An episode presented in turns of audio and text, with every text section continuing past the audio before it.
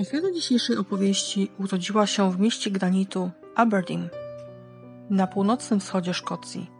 W XIX wieku miasteczko to było światową stolicą granitu, a dzięki nadmorskiemu położeniu transport tego trudnego w przewozie materiału był znacznie ułatwiony. W latach 30. XX wieku rozwój miasteczka umożliwiał władzom poprawę warunków mieszkaniowych wielu rodzin – i tak pomiędzy 1919 a 1939 2955 budynków o nie najlepszej reputacji i w nieciekawych okolicach zostało wyburzone, a w ich miejsce powstało ponad 6,5 tysiąca nowych domów socjalnych. Jednak dzisiejsza opowieść to opowieść dziejąca się w slumsach. Jedno z ośmiu dwupokojowych mieszkań w slumsach zajmowało małżeństwo Prisleyów. Agnes i John wraz ze swoją córką Helen. Czteropiętrowy budynek przy Urquhart Street 61 był przez wielu określany jako plugawy, przeludniony i nijaki, ale właśnie w takich warunkach mieszkało wielu obywateli klasy robotniczej. 21 kwietnia 1934 roku, w sobotę, Agnes zauważyła, że jej rodzinie zabraknie chleba. Około trzynastej wysłała więc Helen do sklepu za rogiem, by ta kupiła bochenek. Dziewczynka zabrała pieniądze i ruszyła do sklepu. Dotarła na miejsce, bo zakup chleba widniał w księdze rachunków piekarza. Jednak nigdy nie dotarła z powrotem do domu. Helen była bardzo niedobrym dzieckiem. Była nieznośna, agresywna, hałaśliwa, Dokuczała wszystkim wokół, zarówno dorosłym, jak i innym dzieciom. Jedną małą dziewczynkę szczególnie upodobała sobie jako obiekt prześladowań, a i jej rodzicom dawała ostro do wiwatu. Rodzice Helen zupełnie nie reagowali, jak ta na przykład kopała w drzwi sąsiadów. Wyzwiska z ust ośmiolatki też były czymś zupełnie normalnym. Helen zbyt długo nie wracała do domu, a jej matka zaczęła się martwić. W końcu piekarnia była bardzo blisko, tuż za rogiem. Zaniepokojona Agnes zaczęła więc rozpytywać sąsiadów, czy przypadkiem nie widzieli jej córki. Dość szybko okazało się, że dziewczynki nikt nie widział i nie ma po niej śladu. W piekarni powiedziano, że Helen kupowała u nich chleb o 13.30, ale od tego czasu nikt jej nie widział. Sąsiedzi i okoliczni mieszkańcy dołączyli do Agnes i wszyscy razem zaczęli szukać małej Helen. Późnym popołudniem Dick Sutton, dziewięcioletni kolega dziewczynki, przybiegł z informacją, że wcześniej tego dnia, jak bawił się na ulicy, widział, jak jakiś mężczyzna wciąga Helen do tramwaju. Według Dicka mężczyzna wyglądał podejrzanie, był w średnim wieku i ubrany był w ciemny płaszcz. Najpierw siłą ciągnął przerażoną dziewczynkę po ulicy, by później wciągnąć ją do tramwaju. Policja natychmiast podała rysopis porywacza do opinii publicznej i rozszerzyła obszar poszukiwań na obrzeże Aberdeen. Informacje na bieżąco były przekazywane przez radio, a nawet pokazywane na ekranach lokalnych kin. Musimy pamiętać, że to było niemal 100 lat temu, niemal wiek temu, lata 30. No my już w tej chwili mamy 2020. Wtedy nie było internetu, informacje nie rozprzestrzeniały się tak szybko i często informacje o zaginionych poza radiem e, były właśnie pokazywane w kinach. Poszukiwania trwały do późnych godzin nocnych, aż o drugiej Sąsiad Prisleyów orzekł, że są tak wykończeni, że powinni iść spać, bo na nic zdadzą się w takim stanie. Zapewnił ich też, że obudzi ich o piątej rano, by kontynuować poszukiwania ich córki. O umówionej godzinie Alexander Parker, wspomniany wcześniej sąsiad, pomyślał, że da załamanym rodzicom jeszcze trochę pospać, a sam wznowi poszukiwania Helen. Zszedł na dół, minął mieszkanie Presleyów, znajdujące się na pierwszym piętrze i po cichu schodził niżej.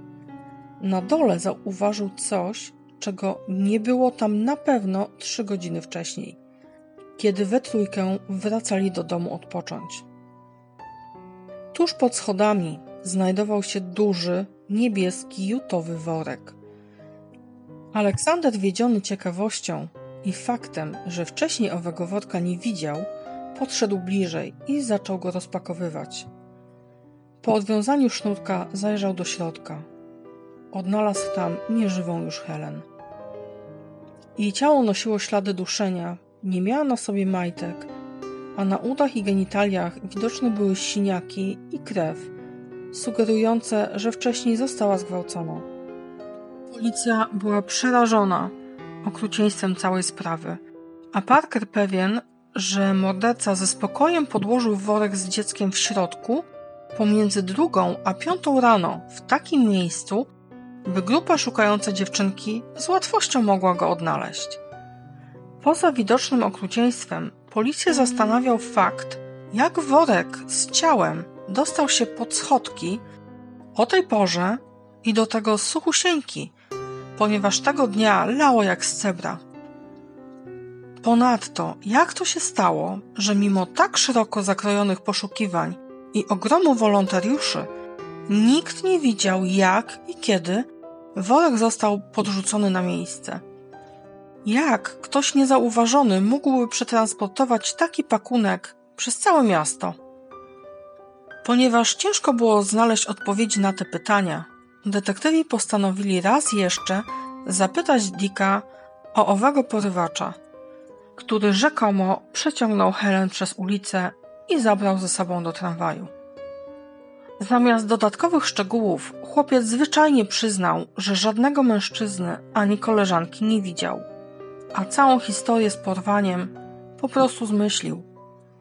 Zmyślona historyjka chłopca sprawiła, że policja i grupa poszukiwawcza straciły cenny czas na poszukiwaniu kogoś, kto w ogóle nie istniał, zamiast poświęcić uwagę i wysiłki na sprawdzenie okolicy zamieszkania Helen i miejsca, gdzie widziano ją po raz ostatni i gdzie dwie osoby słyszały krzyk dziecka około 13.30. Rozpoczęto przesłuchania mieszkańców Orchard Street 61. A nuż ktoś słyszał kłótnie, wrzaski, widział jak rodzice źle traktują Helen. A może ktoś miał z nimi zatarg? Zadawano mnóstwo typowych pytań. Szybko okazało się, że Donaldowie i Presleyowie nie pałali do siebie szczególną sympatią, bo Helen zwyczajnie prześladowała rodzinę Donaldów. Wyzywała zarówno dorosłych, jak i ich małą córeczkę, czy też kopała w ich drzwi przechodząc korytarzem, a że mieszkali oni na parterze, to zdarzało się to dość często. Nie dziwi zatem, że Donaldowie nie brali udziału w poszukiwaniach dziecka – jednak policji ten fakt wydał się podejrzany. Zaczęli więc znów przepytywać sąsiadów, tym razem wypytując dokładniej o rodzinę Donaldów. Aleksander Donald, ojciec rodziny, był fryzjerem. Nie miał własnego zakładu, więc łatwo było sprawdzić, czy tego dnia był w pracy, bo poza klientami świadkiem byłby właściciel biznesu. Okazało się, że Aleksander przez cały dzień nie opuszczał miejsca pracy. Ginny Donald zajmowała się domem i wychowywaniem ich małej córeczki. W domu Donaldów znaleziono niebieskie worki jutowe. Te same, w jakim odnaleziono ciało dziewczynki. Worki ze stemplem eksportowym Kanady służyły do transportu mąki.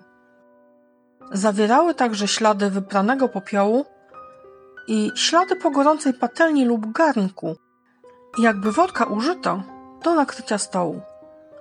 Tutaj pragnę przypomnieć, że kiedyś garnki czy patelnie czyściło się popiołem właśnie, chociaż w źródłach widniała jasna informacja, że w latach 30. XX wieku no, nie było to już tak popularne i nie było to tak często używane.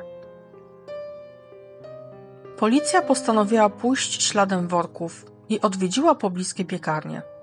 Tylko kilka z nich importowało mąkę z Kanady. Piekarz w jednej z nich potwierdził, że całkiem niedawno otrzymali transport mąki w takich właśnie niebieskich jutowych workach i że jedna z klientek zapytała, czy może dostać kilka z nich. Opis klientki pytającej o worki co do Joty odpowiadał wyglądowi Jenny Donald. Piekarz powiedział także, że bez problemu ofiarował niepotrzebne już przedmioty rzeczonej klientce. Wracając do mieszkania Donaldów, poza niebieskimi workami po mące, policja odkryła ślady krwi na mydle, tej samej grupy krwi, jaką miała Helen. I tutaj też chciałabym dodać pewną uwagę, a mianowicie w żadnym ze źródeł nie znalazłam, jakiej grupy krwi byli sami Donaldowie, czy w ogóle takie badania zostały przeprowadzone. Nie było o tym ani słowa. Kolejną sprawą było to, że policja znalazła szczotkę do czyszczenia i szmaty w domu. No, nie wiem, może my dzisiaj używamy mopa, natomiast prawie 100 lat temu podłogi no, czyściło się właśnie szczotkami, szczotkami, szmatami, więc y, to nie było jakieś przedmioty, które mogłyby szczególnie świadczyć o jakimkolwiek przestępstwie. Na miejsce sprowadzono Sir Sydneya Smitha, profesora medycyny sądowej z Uniwersytetu Edinburgh, by zbadał mieszkanie podejrzanych. Orzekł on, że Helen cierpiała na rzadką chorobę, która sprawiła, że jej ciało wytwarzało rzadką bakterię. Według Sir Sydneya całe mieszkanie Donaldów było pokryte ową bakterią, a dodatkowo w worku, w którym zapakowane były zwłoki dziewczynki, znaleziono włosy ze źle zrobioną trwałą ondulacją, dokładnie taką, jaką miała Ginny. I tutaj, tak jak przy krwi, nasuwa się pytanie, cóż to za tajemnicza bakteria, która była niby tylko w mieszkaniu Donaldów. Dziewczynka biegała na pewno po całej klatce schodowej, jak to dzieci. Pominę, że były to slumsy, więc z czystością też nie było jakoś szczególnie nadzwyczajnie, ale do e, żadnych bardziej konkretnych informacji nie udało mi się dotrzeć. Policja szybciutko rzuciła się do aresztowania Aleksandra Donalda i oskarżyła go o zamordowanie Helen Priestley. Godziny przesłuchań miały sprawić, że Alex przyzna się do winy i wyjaśni, dlaczego poza zamordowaniem dziewczynki także ją zgwałcił. Marny trud śledczych, ponieważ ów oskarżony w tym czasie był daleko od miejsca zbrodni, we wspomnianym wcześniej zakładzie pracy. Mógł się wykazać, jak to określono, tuzinami świadków, którzy ochoczo stawili się, by bronić mężczyznę i zeznawać w sądzie. To skierowało podejrzenia na Ginny. Próbka włosów kobiety została zbadana przez profesora Johna Glacera z Uniwersytetu Glasgow. Orzekł on, że nie ma najmniejszych wątpliwości, że włosy z worków i te z głowy Ginny Donald stanowią idealne dopasowanie, że są to właściwie dokładnie te same włosy. Dziś żaden, absolutnie żaden patolog sądowy badający dowody nie powie, że jakieś włosy pasują idealnie, albo że są bez najmniejszych wątpliwości dokładnie tymi samymi włosami. W dzisiejszym sądownictwie mówi się o dużej zgodności próbek. O ile mi wiadomo, to ta sama zasada dotyczy włókien czy sierści zwierząt. Oczywiście nie mówimy tutaj o włosach z cebulkami, gdzie możliwe jest wyekstraktowanie DNA tylko o martwej tkance bez materiału genetycznego. W każdym razie policja miała swoje dowody, które jednak nie zgadzały się z ideą wykorzystywania seksualnego małej Helen. Nie przeszkadzało im to jednak aresztować tym razem Ginny Donald i oskarżeniu jej o dokonanie tej zbrodni. Proces Ginny rozpoczął się 16 lipca 1934 roku, a sędzią był Lord Craig Mason Atchison. Obrona kobiety była prosta i opierała się właśnie na niezgodnościach odnośnie obrażeń ud i krocza dziewczynki. Fizycznie Ginny nie była przecież w stanie zgwałcić kogokolwiek.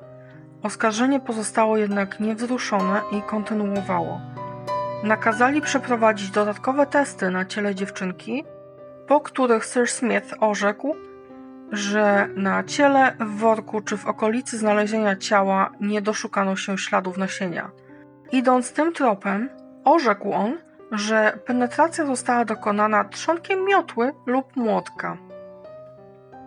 Pomimo, że dowody były dalece poszlakowe, ława przysięgłych potrzebowała jedynie 18 minut, by uznać Ginny Donald za winną. Lord Aitchison płakał, wydając pierwszy w swej długoletniej karierze wyrok śmierci na kobietę. 3 sierpnia 1934 roku złożono apelację, w sumie uznaną za czystą formalność. Nikt bowiem nie wierzył w zmianę wyroku śmierci na dożywocie.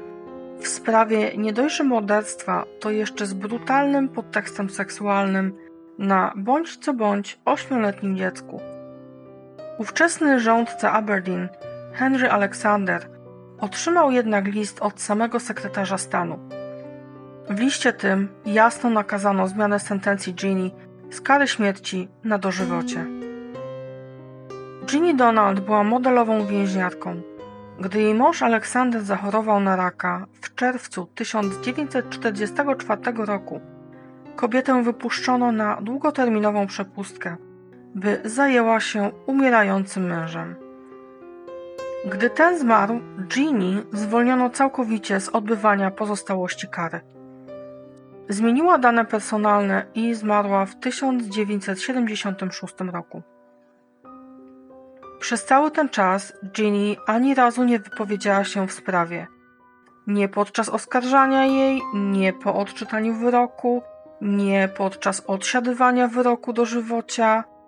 Wiadomo, że włosy znajdują się w domu wszędzie, także logiczne, że były na workach, które były w owym domu używane.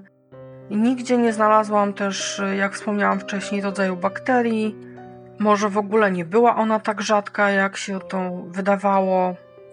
Do całej sprawy dochodzi jeszcze fakt, że Ginny opiekowała się własną córką w tym czasie, ponieważ nie pracowała, a mała dziewczynka, też imieniem Ginny, zeznała w sądzie na, nazwijmy to, niekorzyść matki, że tego dnia jedli zupełnie inny chleb, który inaczej wyglądał i inaczej smakował.